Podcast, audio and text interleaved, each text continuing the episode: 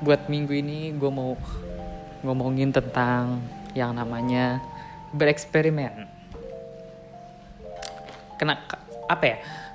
Orang-orang mungkin mempunyai bahasa tentang ini yaitu adalah keluar dari zona nyaman, tapi itu sudah menurut gue udah mainstream. Jadi gue mau ganti bahasa gue menjadi bereksperimen dalam hidup. Nah, hidup itu penuh dengan eksperimen. Ya. Eh, terkadang, terkadang ada. Dulu gue berpikir kayak gini. Gue itu orang yang sangat minimalis dan gue nggak nggak suka mencari experience. Kenapa? Karena menurut gue gue nggak mau melakukan sebuah kesalahan. Jadi gue cukup belajar dari experience orang lain, pengalaman orang lain. Jadi gue dulu orangnya banyak nanya kalau gue mau memulai sesuatu. Let's say waktu gue mau mulai podcast, gue banyak nanya orang yang sudah menggeluti dunia podcast sebelumnya. Sebelum gue masuk YouTube, gue banyak nanya tentang orang yang sudah teman-teman gue yang sudah menggeluti dunia YouTube ataupun dalam bisnis macam-macam. Gue banyak nanya dan banyak baca buku dan banyak baca cerita. Jadi gue banyak pengalaman. Dulu gue berpikir seperti itu, tapi ternyata enggak. Ternyata enggak. Ternyata gue baru menyadari bahwa untuk beberapa eh, gimana ya? gue kasih kata-katanya gini aja. Sesuatu ya, yang berhasil dari seseorang belum tentu berhasil bila diterapkan oleh orang lain. Kenapa? Banyak faktor. Dunia ini banyak faktor. Jadi eh, mungkin seseorang tersebut singkatnya sedang berada di waktu yang pas, dia orang yang pas melakukan sesuatu yang pas gitu, in the right time, in the right place, gitu kan, the right person. Jadi semuanya berhasil dia lakukan. Tapi beberapa juga ternyata banyak orang yang mencoba melakukan hal serupa, ya. Tapi gagal. Jadi banyak banyak banyak banget hal yang harus diperhatikan. Gak cuman gak cuman satu atau dua titik aja. Gue kasih contoh begini. Kalau gue posting resep ayam goreng gue, ya, resep ayam goreng gue, gue posting. Gue kasih challenge 10 orang suruh jualan ayam goreng gue menunya udah ada apa uh, ingredientsnya cara masaknya udah ada secara detail. Ya. yang harus lu lakukan adalah buka stand. Standnya pun gue kasih desain yang sama dan jualan. Ya dan jualan. Pasti hasilnya beda-beda ada yang laku banget ada yang laku aja ada yang agak sepi, agak gabut jadinya lo main HP. Ada yang gak laku sama sekali. Pasti ada. Alasannya kenapa? Banyak variabel. Contoh, mungkin yang laku banget, lu, lu menunjuk karyawannya, abang-abangnya ganteng, viral, mirip Tom Cruise misalkan, atau penjualnya mirip Justin Bieber. Viral. Dan orang pada beli ayam goreng lo. Ayam gorengnya gak enak.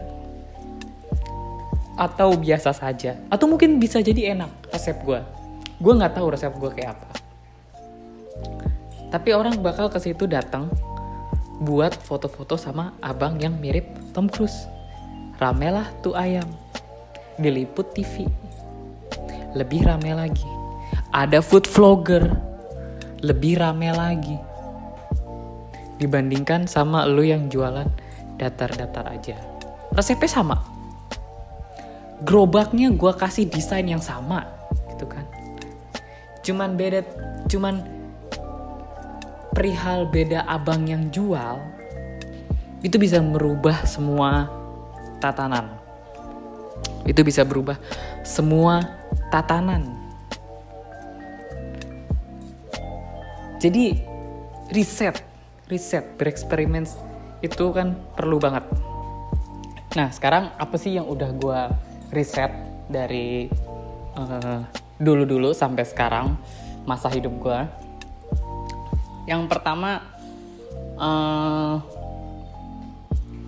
pernah gue singgung sebelumnya di episode cari kuliah atau uh, trying to fit in ya gue lupa. Apa gue bahas di dua-duanya kalau nggak salah?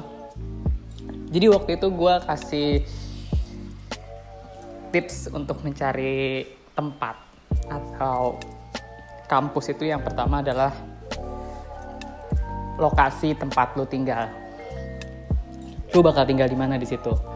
Kos kah apartemen atau ada asrama?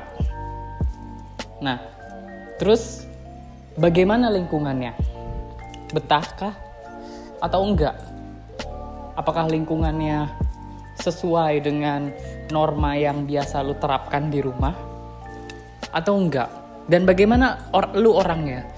Apakah lu orang yang cukup adaptif gitu? Bagaimanapun lingkungannya, ya lu uh, santai aja lu bakal berbaur. Atau lu adaptif yang bodoh amat kayak gue jadi bagaimanapun lingkungannya toh gue juga di kamar terus ini kan. Jadi gue nggak begitu peduli. Atau mungkin lu nggak bisa adaptif. Mungkin lu nggak nggak suka dengan teman-temannya. Mungkin lu nggak suka dengan pergaulannya. Mungkin lu nggak suka dengan lingkungan kosnya lingkungan asramanya. Dan lu mungkin nggak suka dengan aturannya dan lain-lain. Itu perlu di riset dulu itu salah satu riset dalam hidup gue dulu Begitupun kerja, gue udah bahas di Trying to Fit In. Jadi kalau gue bahas di sini lagi, kayaknya gue bakal ngulang konten. Jadi kalian bisa nonton uh, episode yang lama. Nah, terus juga riset bagaimana begini. Riset bagaimana kita di sini membahas tentang tekanan ya. Kenapa kalian butuh riset tentang tekanan? Karena menurut gue keadaan mental health orang itu beda-beda. Kalian cari pekerjaan yang tekanan stresnya uh, sesuai dengan mental health kalian. Kalian harus riset dulu. Ya, gimana caranya? Gimana di, di berada di titik terendahnya itu kira-kira kayak apa? Itu sebuah riset yang menurut gue perlu. Kenapa? Karena jangan sampai lo terjeblos di suatu saat ya. Sudah let's say lo sudah tekan tekan kontrak atau lo udah komit melakukan sesuatu hanya saja tekanannya pressure sangat tinggi dan lo uh, atau lo lo emang nggak punya skill tersebut gitu loh. Let's say begini kayaknya enak ya jadi youtuber misalkan. Dan lu mencoba peruntungan menjadi youtuber. Let's say vlog. Food vlogs gitu ya. Food vlogs itu menurut gue memakan uang gitu kan. Apalagi di awal-awal di mana lo harus mencapai 4000 hours views dan 1000 subs. Sementara kalian harus mereview kan makanan kalian harus beli makanan tersebut kalian belum jadi siapa-siapa yang otomatis belum belum tentu banyak makanan yang mau endorse kalian atau menjadikan kalian brand ambassador atau apalah itu namanya otomatis lo harus ke sebuah restoran lo harus beli makanan tersebut lo filming editing dan lain dan lain dan lain dan lain-lain permasalahannya adalah skill yang dibutuhkan YouTube bukan saja kesenangan lo dalam melakukan itu. Misalkan lo emang hobi cari kulineran. Tapi bagaimana dengan skill editing? Editing video, editing audio, editing thumbnail, macam-macam. Dan kalau lo bukan orang tipe yang benar-benar mempunyai sebuah ide yang kreatif, lo bukan orang yang kreatif ya lu bukan orang yang kreatif lu memang punya skill tapi kreativitas nggak ada karena skill dan kreativitas ini menurut gue adalah hal yang bener-bener harus di sinambungkan. Kenapa? Karena pandai memakai suatu aplikasi belum tentu lu punya kreativitas di aplikasi tersebut. Nah, kreativitas nggak ada. Video udah jadi, ngeditnya mentok. Nggak bisa ngapa-ngapain lagi. Dan selesai. Lu mau ngapain? Akhirnya lu menjadi stres, menjadi tekanan terhadap kerjaan lu yang seben seharusnya lu tuh suka gitu kan. Seharusnya lu tuh suka dengan pekerjaan tersebut. Tapi enggak lu malah menjadikan diri lu stres lu malah menjadikan diri lu uh, berasa bertanggung jawab sangat besar gitu. Lebih baik jangan. Pilih pekerjaan yang lu enjoy ngelakuin dan lu bisa gitu. Jadi yang pertama riset tekanannya. Kalau memang lu tipe orang yang let's say oke okay, gue nggak kreatif tapi gue bisa disuruh-suruh ya.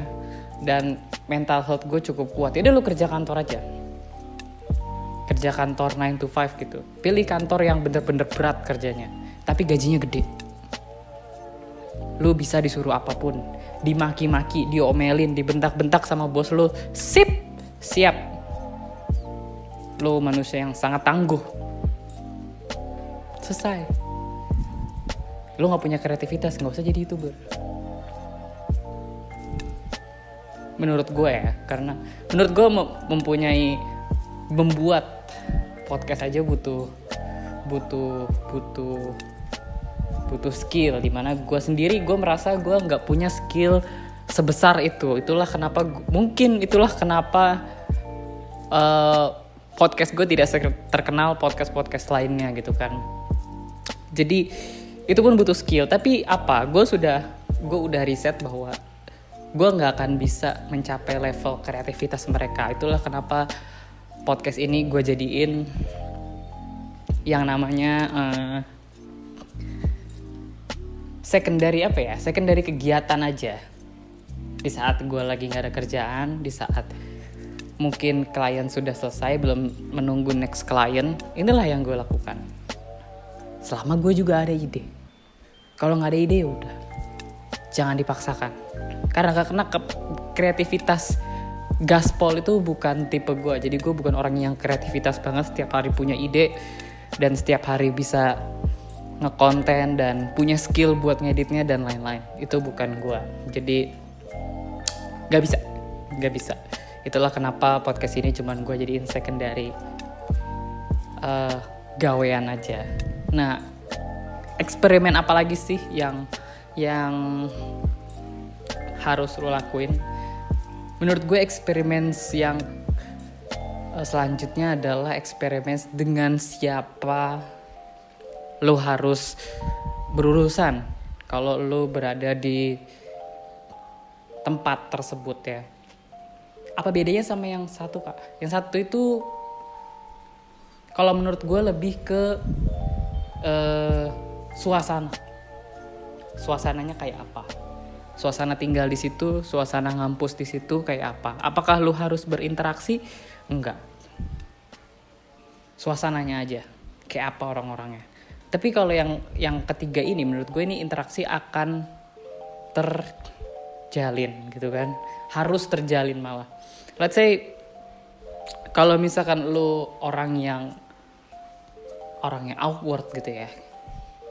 Orangnya sedikit canggung dan sulit berekspresi.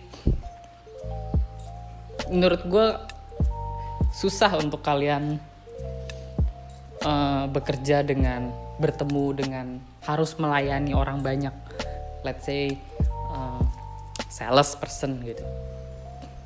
Seorang seorang sales person harus apa ya menurut gue ramah yang penting. Karena terkadang meskipun gue nggak butuh bendanya entah kenapa gue tuh nggak enak nerima dia. Karena dia tuh udah dandan cukup rapi ya. Uh, yang ceweknya rambutnya pasti ditata dulu. Yang cowoknya klimis klimis bajunya rapih ngomongnya manis pakai muji. Itu kadang gue nggak enak buat nolak meskipun kadang barangnya nggak butuh. Kecuali kalau gue bener-bener nggak punya duit. Yang most case gue memang gak punya duit jadi ya udah. Tinggalin aja. Tapi kayak gitu tapi mereka harus ramah tapi kalau lu awkward lu bukan orang bukan tipe orang yang banyak berbicara ataupun dapat berbicara manis itu bukan sesuatu hal yang tepat buat lu. Begitupun gue gue ini orang yang apa ya gue itu orang yang nggak mau terpakut uh, apa ya? Gue tuh orang yang nggak mau terpaut pangkat terlalu jauh gitu. Gue itu orang yang gak bisa ketemu orang dengan pangkat yang sangat tinggi sangat lama.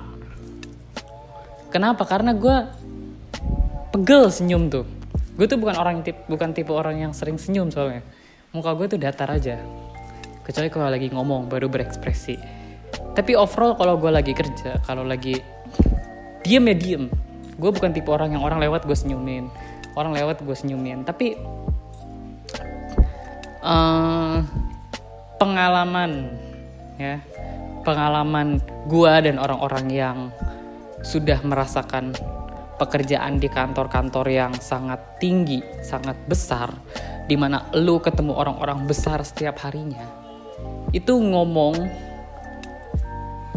dan senyum itu jadi canggung. Kenapa lu takut salah? Gitu. Lu bakal takut salah ngomong, lu bakal takut salah ekspresi, cemberut dikit nanti disangka, ih kenapa sih dia gitu? Penuh dengan orang-orang sensitif. Kenapa? Karena mereka orang-orang besar. Jadi itu bukan tempat yang pas buat gue. Jadi gue coba karena kalau kalau gue pikir kalau misalkan tem tempatnya apa sih pangkat tidak terpaut besar itu kecanggungan itu akan hilang gitu. Misalkan gue uh, let's say kalau disuruh pilih ya mau kerja di mana? Kalau misalkan uh, jadi PNS orang pasti kalau disuruh bebas milih orang pasti pada pengen jadi orang kementerian semua. Gue enggak gue dari dulu lebih milih pengen kerja di level kota atau provinsi mentok. Kenapa?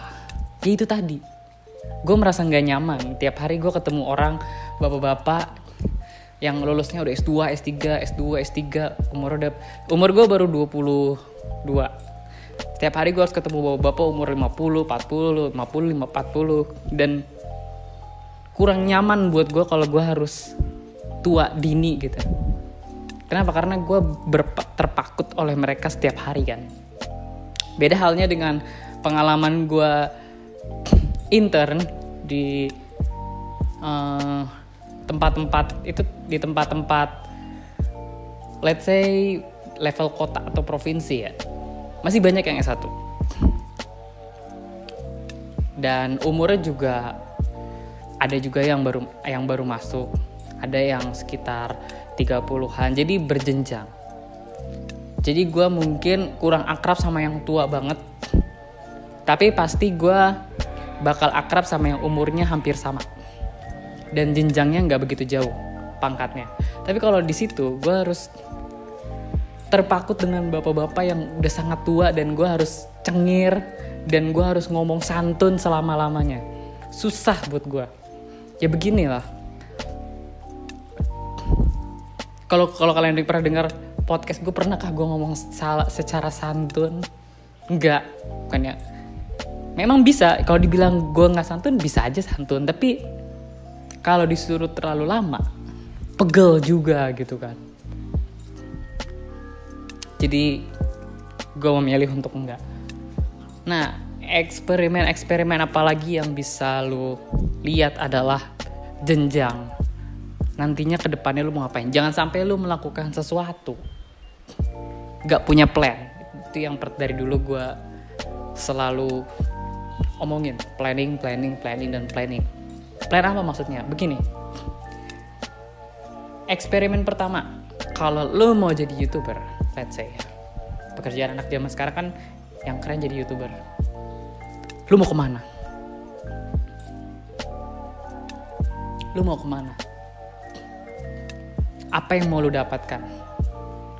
Kira-kira lu mau jadi levelnya apa? Mau jadi level yang sampai diundang ke TV atau gimana?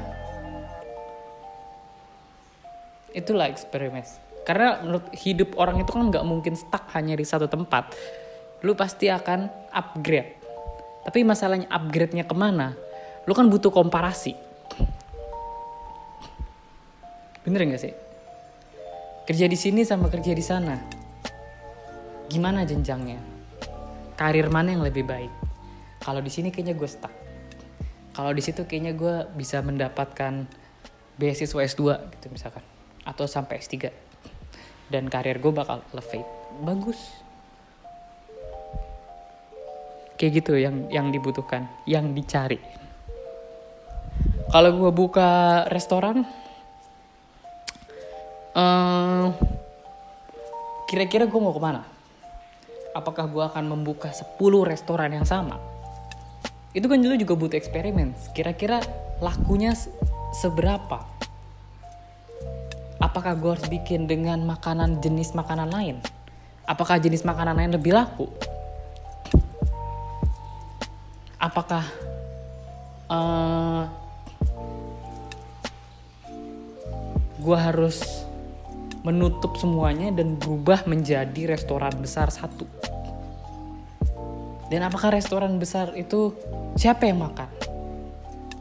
Makanannya apa? Harganya berapa? Itu juga butuh eksperimen terus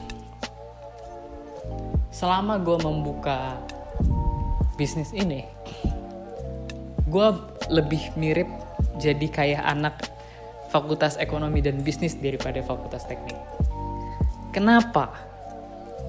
Kenapa? Karena setiap hari kerjaan gue itu melihat kompetitor. Berapa harga terendah orang bisa melakukan jasa arsitek? Berapa harga tertinggi? Harga tertinggi itu gue belum tahu pasti cuman yang kemarin gue melihat bahwa ada orang bisa bikin kitchen. 1500 dolar ya lu nggak salah dengar. 1500 dolar. Itu berapa? 17 juta? 18 juta. 100 itu kan sejuta. 1000 itu juta ya 17 juta. Hanya bikin kitchen. Kitchen nih ruang. Itu itu up itu up to 3500 loh. 40 juta hanya mendesain kitchen. Desain kitchen lu bayangin. Desainnya aja. Sementara gue pribadi pasang harga 1 juta satu rumah. Dan 2 juta satu rumah plus interior detail sampai furniture. Kayak gitu. Ada orang di bawah gue dia laku nggak gue harus kasih harga berapa? Kira-kira gue harus pasang iklan di mana? Oh ternyata pasang iklan di di Instagram kurang menguntungkan. Kenapa? Karena temen gue nggak ada yang mau bikin rumah. Jadi harus lompat ke Facebook. Gue harus lompat ke grup WA emak-emak ke grup WA bapak-bapak. Gue harus lompat sana sini. Bukanya di mana lagi ya? Cari portofolio dulu macem-macem banyak yang dilakukan berbagai macam riset yang gue sedihkan adalah orang-orang zaman sekarang hampir jarang melakukan riset. Kenapa? Karena mungkin juga tuntutan hidup ya. Hidup sekarang kan semakin susah. Mungkin juga karena dibutakan. Dibutakan ini maksudnya kalau kalian pernah uh, nonton eh nonton dengar episode yang SNM dan SBMPTN, mereka hanya pengen aku cuma pengen kuliah di TB udah Gak ada riset. Lulusannya ke mana pun gak ada riset. Gue kemarin bercerita bahwa uh, teman gue lulusan UI dan dia cum laude itu melenceng sangat jauh dari jurusannya dan bekerja di perusahaan biasa saja. Sih gak jaminan. Riset. Please do some research. Atau kadang terkadang uh, tuntutan aja. Tapi terkadang juga menurut gue tuntutan ada karena uh, gelap matanya juga ya. Dulu gue itu orang yang gue pikir gue mencari kerja karena tuntutan tuntutan malu ya. Malu kalau lama-lama nganggur gitu kan nggak ada pendapatan. Akhirnya setiap hari gue bukain semua uh, kantor yang lowongan kerja yang membutuhkan skill gue gitu kan mau itu mungkin kontrak di pemerintahan mau itu di swasta dan lain-lain itu semuanya gue bukain tapi enggak tapi enggak waktu itu gue terpikir bahwa gue hanya mencari hal yang nyaman. Kenapa hal yang nyaman? Karena uh, waktu itu CV gue udah dibuatin sama temen, didesainin sama temen gue yang graphic designer. Cover letter pun udah, gitu ya. Tinggal ganti-ganti sedikit tiap tiap tiap perusahaan. Tapi menurut gue, gue pribadi saat itu mencari zona nyaman. Waktu itu gue mencari di mana yaudah gue tinggal sen sen sen sen sen aja. Keterima gue dapet gaji alhamdulillah. Tapi enggak. Waktu itu hidup sulit. Tahun lalu itu hidup sulit. Tahun 2020 akhirnya gue seperti yang gue ceritakan di episode kredibilitas akhirnya gue berpikir bahwa gue nggak bisa terus-terusan begini gue harus melakukan sesuatu dan menurut gue ngirimin 50 CV sehari itu bukan portofolio. Siapa yang peduli? Waktu itu gue pikir. 6 bulan nganggur. Kalau ditanya ngapain aja kamu 6 bulan? Ngirimin CV 50 sehari pak. Gak akan ada yang peduli. Waktu itu gue pikir kayak gitu. Ya. Jadi gue pikir gue harus keluar dari zona nyaman. Gue juga udah jelasin di, di kredibilitas waktu itu gue coba ke situs luar negeri. Tadinya gue gak mau. Kenapa? Karena gue juga cari aman orang luar negeri itu bahasanya gue nggak tahu gitu bahasa Inggris gue kan conversational jadi kalau misalkan ada orang yang membahas bah masalah profesional gue takut bingung waktu itu gue takut bingung dan gue takut nggak ngerti dan gue nggak takut takut nggak tahu apa maksudnya dia. Dan that's it. Tapi akhirnya gue lawan. Setelah gue riset ternyata oh ternyata permintaan dia cukup simple. Ya. Terkadang simple terkadang ribet. Ambil aja yang simple-simple dulu. Setidaknya lu mengerti apa yang mereka inginkan. Dan lu deliver. Kayak gitu. Jadi teruslah bereksperimen ketahuilah dulu apa yang lu suka sebelum lu lakuin sesuatu. Kalau misalkan lu mau keluar dari zona nyaman gitu ya perlahan. Jangan uh, terlalu jauh gitu. Terkadang orang gue mau keluar dari zona nyaman tapi ekspektasinya terlalu berlebihan tanpa riset. Jadinya menurut gue kurang klop kurang in gitu kurang mulus. Gue adalah sesuatu, seseorang yang mendambakan kemulusan akan setiap plan gue jadi kalau bisa margin of error itu sedikit. Tetap harus keluar dari zona nyaman tapi gue pribadi gue pribadi melakukan itu dengan perlahan. Jangan yang langsung jeblar gitu. Let's say lu lulusan apa gitu? Misalkan lulusan teknik sipil tiba-tiba bokap lu punya duit 500 juta. Ya udah gue mau buka restoran aja. Restoran stick. Yang lu nggak ngerti cara yang lu nggak ngerti cara ngelolanya.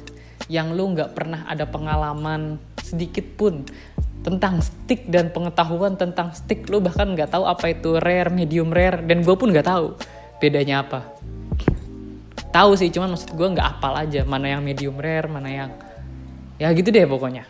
Mana yang well done. Cobalah dari yang kecil dari yang kalau rugi nggak apa-apa gitu. Jadi sekali lagi tetap bereksperimen semoga semua rencana apa dan apa yang lo pengenkan itu berjalan lancar ke depannya. Dan kembali lagi di episode minggu depan. Bye